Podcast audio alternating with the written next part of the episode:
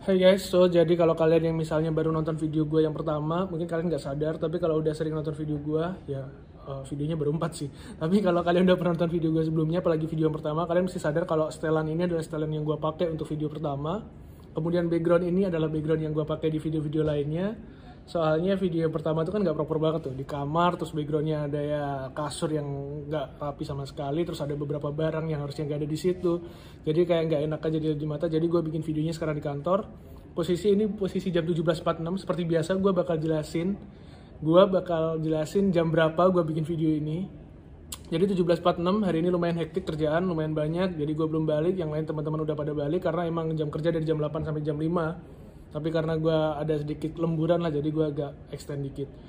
Kali ini gue pengen bahas sesuatu yang sebenarnya kemarin uh, udah gue bahas sih. Cuma ini lebih kayak kayak sharing pendapat. Gue juga pengen tahu nih kalau dari kalian yang nonton video gue kalian punya pendapat gimana? Atau mungkin setuju atau nggak setuju it's okay. Nggak masalah kalian bisa sharing. Gue pengen bahas soal kenapa kok MLM itu kayaknya lebih susah untuk diterima masyarakat dibandingkan investasi bodong gitu jadi lebih banyak korbannya investasi bodong ini. Kenapa sih gitu? Kalian kalian mungkin nggak kepikiran, tapi sebenarnya banyak di luar sana investasi-investasi bodong yang akhirnya makan korban gitu. Setelah kena investasi bodong, mungkin selanjutnya ada investasi yang lain, mereka akhirnya ikut gitu. Seperti yang dulu pernah kita obrolin soal apa ya? Uh, koperasi. Ya koperasi itu salah satu investasi waktu itu. Jadi gini, ini mungkin pendapat pribadi gue, jadi kalian boleh boleh sangkal, boleh uh, argumen atau apa pun, it's okay, open to and uh, free to speech aja. Kalian bisa bebas ngomong apa pun kalian bisa komentar apa pun juga. Uh, kalian boleh support uh, channel ini. Kalau misalnya kalian suka like comment subscribe whatever apa pun yang kalian suka. Atau kalau kalian nggak suka dislike juga nggak apa-apa komentar juga nggak apa-apa. Kalian misalnya nggak setuju komentar aja kita nanti ngobrol gitu. Jadi gini uh, sekarang kita balik. Persepsi orang soal MLM itu apa sih? Downline upline kayak gitu kan. Jadi setiap orang bakal mikir kalau misalnya gue ikut MLM otomatis kalau gue mau dapat reward mobil, reward motor, reward uh, duit, reward rumah bahkan atau mungkin jalan-jalan ke luar negeri ya gitu itu kita paling nggak harus jadi leader gitu. Jadi harus punya banyak downline dulu, terus kita harus cari downline, kita ngerekrut, terus kita akhirnya cari prospekan gitu. Sedangkan orang-orang berpikir kalau gue di prospek sama dia, gue ikut, gue harus ikut juga dong cari downline lagi. Makin lama makin susah, makin lama makin susah. Nah, hal itu sebenarnya bikin orang-orang jadi ragu untuk ikut MLM Padahal sebenarnya MLM apakah salah? Menurut gue nggak salah juga gitu. Itu cara salah satu cara buat orang uh, memasarkan produknya dengan uh, minim, maksudnya minim iklan gitu. Orang bakal ngiklanin dari mulut ke mulut kayak gitulah. Tetapi sering kali kita lihat ada beberapa MLM yang mereka bahkan mungkin kalau kita hitung, kita pikir dengan logis, kayaknya nggak mungkin gitu loh untuk mencapai suatu hal itu. Kalau nggak ada orang-orang lain yang dikorbankan, orang-orang yang harus secara sukarela mungkin membayar untuk masuk, kemudian uangnya itu nantinya akan dibagi-bagi ke top line top line-nya, upline upline-nya yang udah sebelumnya uh, masuk gitu. Jadi yang belakangan akhirnya capek karena nyari downline lagi susah, kemudian barangnya juga kurang diterima pasar, itu kan susah banget gitu. Sedangkan kita tahu kalau misalnya MLM itu kebanyakan barangnya overpriced atau dinilai overpriced atau bahkan sekarang yang kalau kita tahu kalau kalian tahu itu ada sistem upload jadi gini uh, misalnya kita punya perusahaan A nih, kita mau menjual dengan MLM gitu. Tapi kita nggak punya pabrik. Akhirnya kita sewa pabrik atau kita minta ke suatu pabrik yang dia menawarkan jasa maklon, kemudian kita bayar sesuai dengan kontrak yang kita setujui akhirnya, maka produk itu akan di labelin dengan apa yang kita mau, kemudian ada brand kita di situ, itu maklon. Jadi untuk beberapa tempat itu mereka menggunakan maklon, jadi mereka nggak punya produksi sendiri gitu. Nah, biasanya mereka ini akan menjual dengan harga yang lebih mahal karena dalam kontraknya mereka harus repeat order beberapa kali dan kalau misalnya harganya tidak lebih mahal mereka akan menanggung kerugian dan keuntungannya tidak seberapa untuk uh, mitigasi nih. Misalnya gue udah order 100 tapi gue harus order lagi 500 misalnya. Jadi selama 5 bulan ke depan gue harus order 100 100 100 100 gitu. Jadi kalau misalnya gue gak bisa laku yang 100 gue nggak bisa beli selanjutnya dong atau malah gue rugi nanti jadi dead stock gitu. Makanya mereka harganya biasanya lebih mahal dikit. Ketika laku mereka bisa membeli dan mereka masih punya simpanan gitu. Jadi ada duit yang mereka simpen itu namanya maklon. Makanya uh, sistem maklon yang biasanya dijalankan. Jadi kalau misalnya orang-orang yang membeli barang-barang MLM kenapa kalau lebih mahal? Ya karena sistemnya seperti itu. Kemudian uh, kenapa sekarang kalau misalnya kita ngomongin investasi bodong. Kenapa kok orang-orang lebih suka investasi bodong atau lebih banyak terjebak di investasi bodong? Sistemnya simple, kebanyakan orang-orang kita males. Pertama, MLM tuh udah jelas kita harus cari downline. Image kita nyari downline, nyari prospekan itu lebih susah dibandingkan kita cuma masukin duit terus dapat duit, returnnya gede. Kita pengennya gitu, pengennya simple aja, masukin duit, oke kita masukin duit, selesai. Masukin duit selesai, habis itu kita setiap bulan wah dapat pasif income, pasif income. Mungkin banyak orang yang membaca bukunya Rich Dad Poor Dad uh, Robert Kiyosaki. Kemudian dia langsung berpikir wah gue harus punya income lagi nih selain active income nih. Jadi gue tidur duit gue kerja buat gue jadi investasi adalah hal yang paling menggiurkan. Investasi apalagi dengan return tinggi. Mereka berdalih kalau ya high risk high return gitu. Tapi mereka nggak sadar kalau sebenarnya uang yang mereka masukkan itu ada di investasi bodong gitu. Jadi simpelnya kenapa kok MLM jauh lebih tidak diminati dibandingkan dengan investasi bodong yang jelas-jelas sebenarnya risikonya sama aja? Karena orang kita lebih suka nyantai-nyantai dapat duit.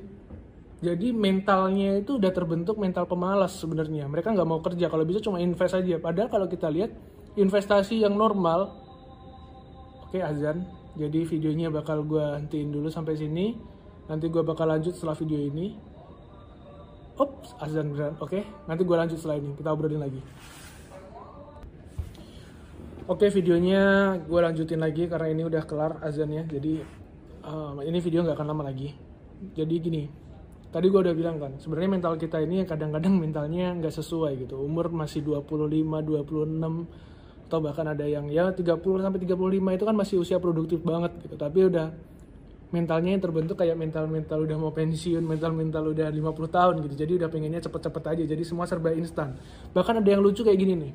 Kalian pernah gak sih nemuin misalnya kalian pengen usaha atau teman kalian pengen usaha terus dia sharing ke teman-temannya minta mau nggak join sama usaha gue gini gini gini. Yang jelas-jelas di mana temennya itu mungkin udah kenal lama tapi mereka enggan buat invest di sana gitu. Sedangkan kalau misalnya ada orang datang kita nggak tahu siapa cuma katanya dia punya usaha yang bagus bisa ngasih return yang tinggi kemudian uh, dia dia udah punya banyak lah yang join sama usahanya. Dia kita bahkan nggak ngecek backgroundnya gitu kita nggak ngecek latar belakang usahanya kita cukup percaya aja. Itu sering banget terjadi. Bahkan ada yang sampai jual rumah bahkan ada yang sampai uh, pinjol lah pinjaman online gitu. Sampai sampai hal-hal seperti itu yang bahkan nggak masuk nalar orang yang normal gitu.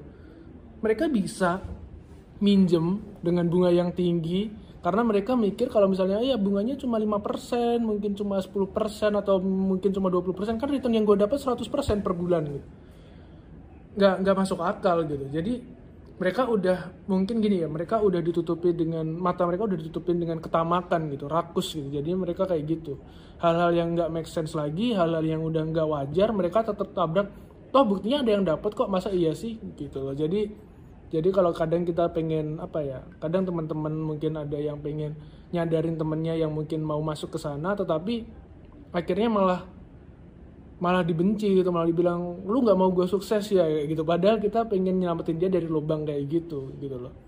Sebenarnya hari ini gue pengen bikin video soal uh, investasi reksadana yang yang selama ini gue pakai untuk nyiapin dana pendidikan anak gue cuma gue belum compile datanya gue belum compile misalnya reksadana A B C D segala macam yang jadinya kurang menarik aja kurang komprehensif aja ntar misalnya gue jelasin ke kalian atau gue ceritain ke kalian uh, kalau misalnya besok mungkin gue bikin videonya. Kalau gue sempat karena ya tugas kuliah mulai padat kemudian tugas kerjaan juga kebetulan lagi hektik jadi video ini yang gue bikin. Statement gue pandangan gue kenapa kok selama ini di Indonesia MLM itu susah banget buat diterima sedangkan investasi bodong merajalela di mana-mana. Investasi bodong oh, apa ya banyak banget diterima sedangkan MLM dianggapnya sebagai hal-hal yang tidak menarik gitu tidak menguntungkan dan bahkan itu kayak kayak menjual mimpi. Sedangkan kalau kalian tahu kayak MLM yang tidak terlalu heboh lah mungkin kayak Tupperware segala macam itu uh, tolong uh, benerin kalau gue salah. Gue nggak tahu Tupperware itu tapi kalau kurasa Tupperware itu adalah salah satu produk yang bagus jadi harganya mahal pun ya karena produknya bagus gitu. Bukan yang terlalu overpriced atau gimana gitu. Jadi banyak kok MLM yang sebenarnya oke okay, gitu. Tapi nggak sedikit juga MLM yang kayak jual mimpi doang gitu. Jadi kalau kalian misalnya mau join ke MLM lebih baik kalian di YOR lah. Maksudnya research lagi ini MLM-nya seperti apa kemudian produknya apa kemudian barangnya ini terima pasar atau enggak barangnya ini bermanfaat apa enggak. Kira-kira kalau gue join tuh tujuannya buat apa? Apakah sekedar income ataukah ada orang-orang yang pengen masuk MLM cuma pengen ya gue pengen dapat mobil gitu kan. Gue pengen dapat mobil nih bos gitu. Gue pengen kaya instan gitu ya. Gue rasa sih gue nggak di dalam orang-orang yang mendukung itu ya. Jadi kalau kalian pengen join MLM nggak ada salahnya juga banyak MLM yang barang yang bisa dijual kok. Banyak MLM yang tidak pakai skema ponzi atau apa. Banyak MLM yang terbukti bisa membantu uh, untuk anggota-anggotanya gitu. Tapi ya tadi kita harus research lagi MLM yang seperti apa gitu. Jangan sampai ya jatuhnya ke money game gitu. Terus gue juga pengen sharing soal kripto yang gue pegang. So far gue juga megang kripto tapi ada beberapa hal yang gue pelajarin di kripto di mana gue pernah loss di mana gue pernah gain di mana akhirnya gue ya akhirnya main di titik invest di mana gue hanya megang koin-koin yang fundamentali aja gitu. Jadi banyak video setelah ini mungkin tapi gue rasa video video berikutnya adalah video soal reksadana kalau kalian suka tolong kalian uh, subscribe biar kalian gak ketinggalan video gue tapi kalau misalnya kalian punya ide bang tolong ngobrolin soal ini dek tolong ngobrolin soal ini karena jujur gue masih 26 tahun kalian kalian masih manggil gue bang dek om atau apa pun itu terserah whatever kalian mau apa. Yang penting kalian enjoy aja di video ini. Kalian kasih masukan gue harus lebih gimana lagi. Kalau kalian mungkin ada saran kritik feel free to speak on the comment. Oke okay? see you